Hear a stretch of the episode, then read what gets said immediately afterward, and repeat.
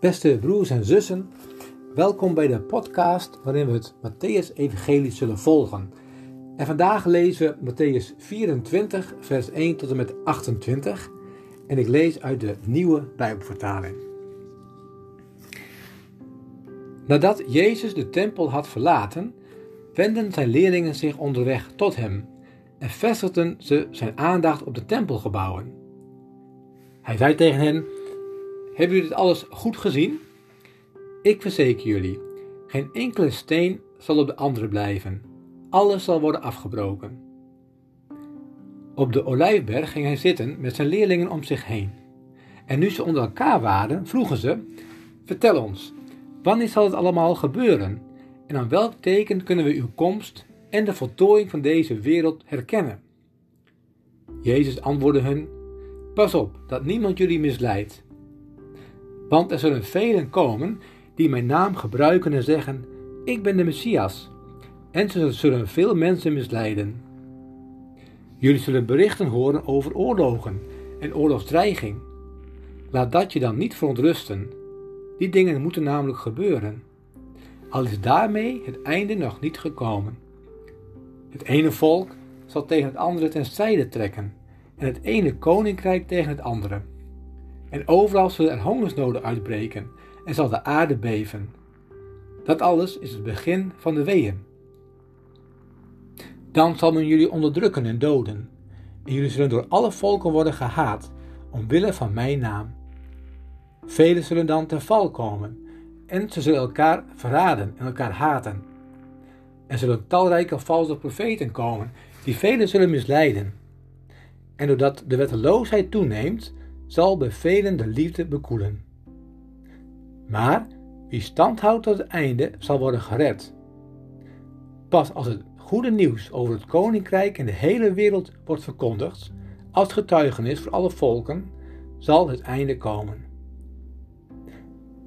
Wanneer jullie dus de verwoestende gruwel waarover gesproken is door de profeet Daniel zien staan op de heilige plaats, lezer, begrijpt het goed, dan moet iedereen in Judea de bergen in vluchten. Wie op het dak van zijn huis is, moet niet naar beneden gaan om nog spullen te halen.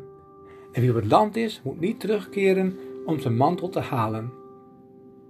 Wat zal er rampzalig zijn voor de vrouwen die in die tijd zwanger zijn of een kind aan de borst hebben? Bid dat jullie niet in de winter zullen moeten vluchten en ook niet op de sabbat. Want het zal een tijd zijn van enorme verschrikkingen, zoals er sinds het ontstaan van de wereld tot nu toe nooit geweest zijn en er ook niet meer zullen komen. En als die tijd niet te kort zou worden, dan zou geen enkel mens worden gered. Maar omwille van de uitverkorenen zal die tijd worden verkort. Als iemand dan tegen jullie zegt: Kijk, dit is de Messias, of daar is hij, geloof dat dan niet. Want er zullen valse Messiassen en valse profeten komen, die indrukwekkende tekenen en wonderen zullen verrichten, om ook Gods uitverkorenen zo mogelijk te misleiden. Let op, ik heb jullie dit van tevoren gezegd. Wanneer dus tegen jullie zeggen: Kom mee, hij is in de woestijn, ga er dan niet heen. Of als ze zeggen: Kijk, hij is daar binnen, geloof er dan niet. Want zoals een bliksemschicht vanuit het oosten weer licht dan in het westen, zo zal ook de mensenzoon komen. Waar een lijk is, daar zullen de gieren zich verzamelen.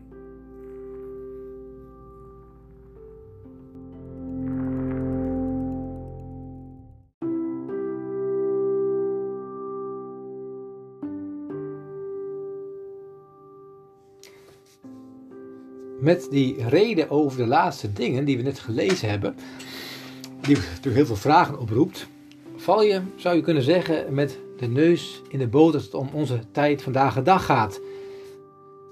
Want veel mensen zijn daarmee bezig. Misschien jij, misschien u ook wel. Is nou die coronavirus is het al een teken van de eindtijd? De eindtijd die trouwens al begonnen is toen Jezus terugging naar de hemel en die loopt totdat Jezus weer terugkomt. In Lucas 21, die ook uh, spreekt over de reden van de eindtijd, gebruikt ook Lucas het woord epidemieën, besmettelijke ziekten die zullen komen. Hij gebruikt een woord wat de klassieke Grieken gebruikten om daarmee aan te geven een ramp die goden als een straf zenden naar de mensen. Ook vandaag de dag hoor je daar veel mensen over. Is het niet het oordeel van God? Een teken van de eindtijd?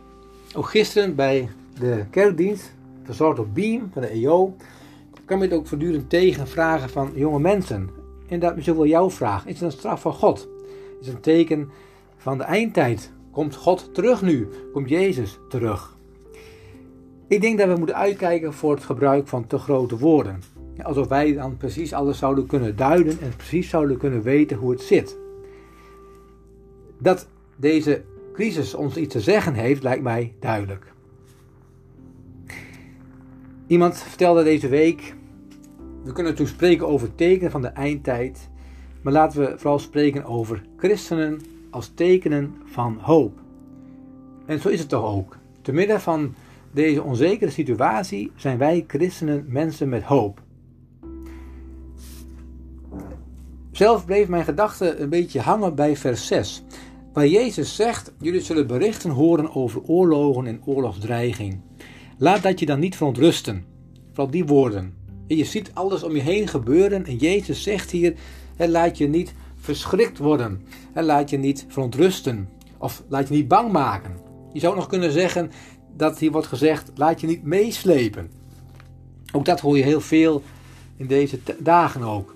Dat mensen zeggen, ja, laat je niet meeslepen in de angst. Maar goed, je ziet het om je heen gebeuren. En als het dan heel dichtbij komt, wie zal dan niet bang zijn? En misschien kent u wel zieke mensen die corona hebben. Of jij, misschien wel iemand van school. Zijn deze woorden van Jezus dan niet te hard? Hoezo laat je niet verschrikt worden of bang maken? Ik ben wel bang. Ik ben wel verontrust.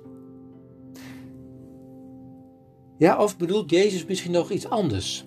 Ook dat zou kunnen, dat het juist positief bedoeld is. In de zin van, je ziet het allemaal gebeuren. Je ziet de erge dingen om je heen gebeuren op het journaal, via de sociale media. Maar word dan niet positief onrustig. In de zin van, Jezus komt er nu aan. Het einde is nu nabij. Nee, het zijn begin. Het is het begin van de weeën, zegt Jezus. Ik denk dat Jezus hier ons wil zeggen, of u het nu ziet als een woord van laat je niet bang maken, of word niet te enthousiast, want het is, het, is het begin. Dat Jezus ons hier wil zeggen, blijf op je post als christen, als getuige van hoop. Inderdaad, dat je een teken van hoop mag zijn. Niet dat je daarmee alle zorg en angst wegwuift, zeker niet maar dat je hoopvol bent. En zo ook figuurlijk naast de andere kan staan. Naast hem of haar die je kent, die misschien wel inderdaad heel angstig is of geen hoop heeft. Dat je mag laten zien, ik weet bij wie je terecht kunt. Dat wij als christenen mensen van hoop, mensen met hoop, een positief verschil kunnen maken. Dat we bidden, het goede doen en wachten op Gods tijd. Of anders gezegd, Handen wassen, handen vouwen, maar ook handen uit de mouwen.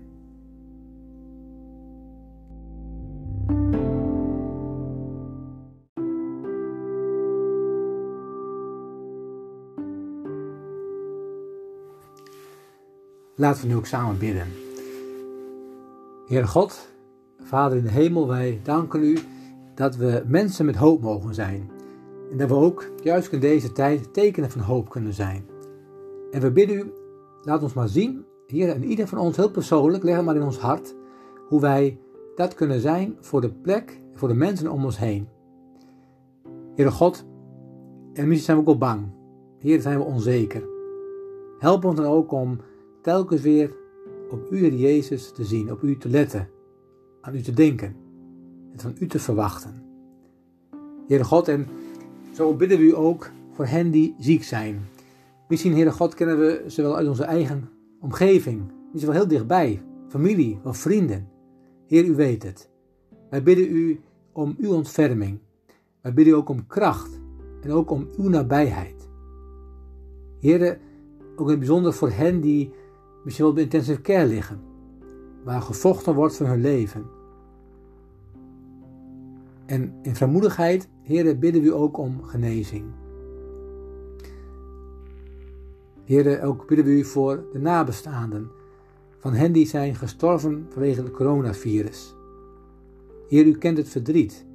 Heer, de pijn ook.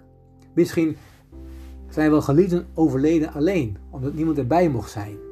Heer, wat ook een pijn geeft dat. En Heer, help ook de nabestaanden om daar toch ook op een goede manier mee om te kunnen gaan, ook in de toekomst. En geef ook daar hoop, Heer. We bidden u voor personeel wat ook werkt in de ziekenhuizen, ook vanuit onze gemeente, Heer. Die zo'n belangrijk werk doen, die in de frontlinie staan. U kent ze. Heer, geef hen kracht, ook als het soms heel druk is, als het zware verantwoordelijkheid is. Heer, wees ook hen nabij, ook hun gezinnen, Heer, die om hen heen staan. Geef daar bescherming, want het is ook soms ook heel gevaarlijk werk. Geef uw kracht. Zo bidden we ook voor de familie van de Maas in Albanië, uitgezonden door de GZB. Heer, wij bidden u voor Aad en Dieneke, voor Chris en Jos.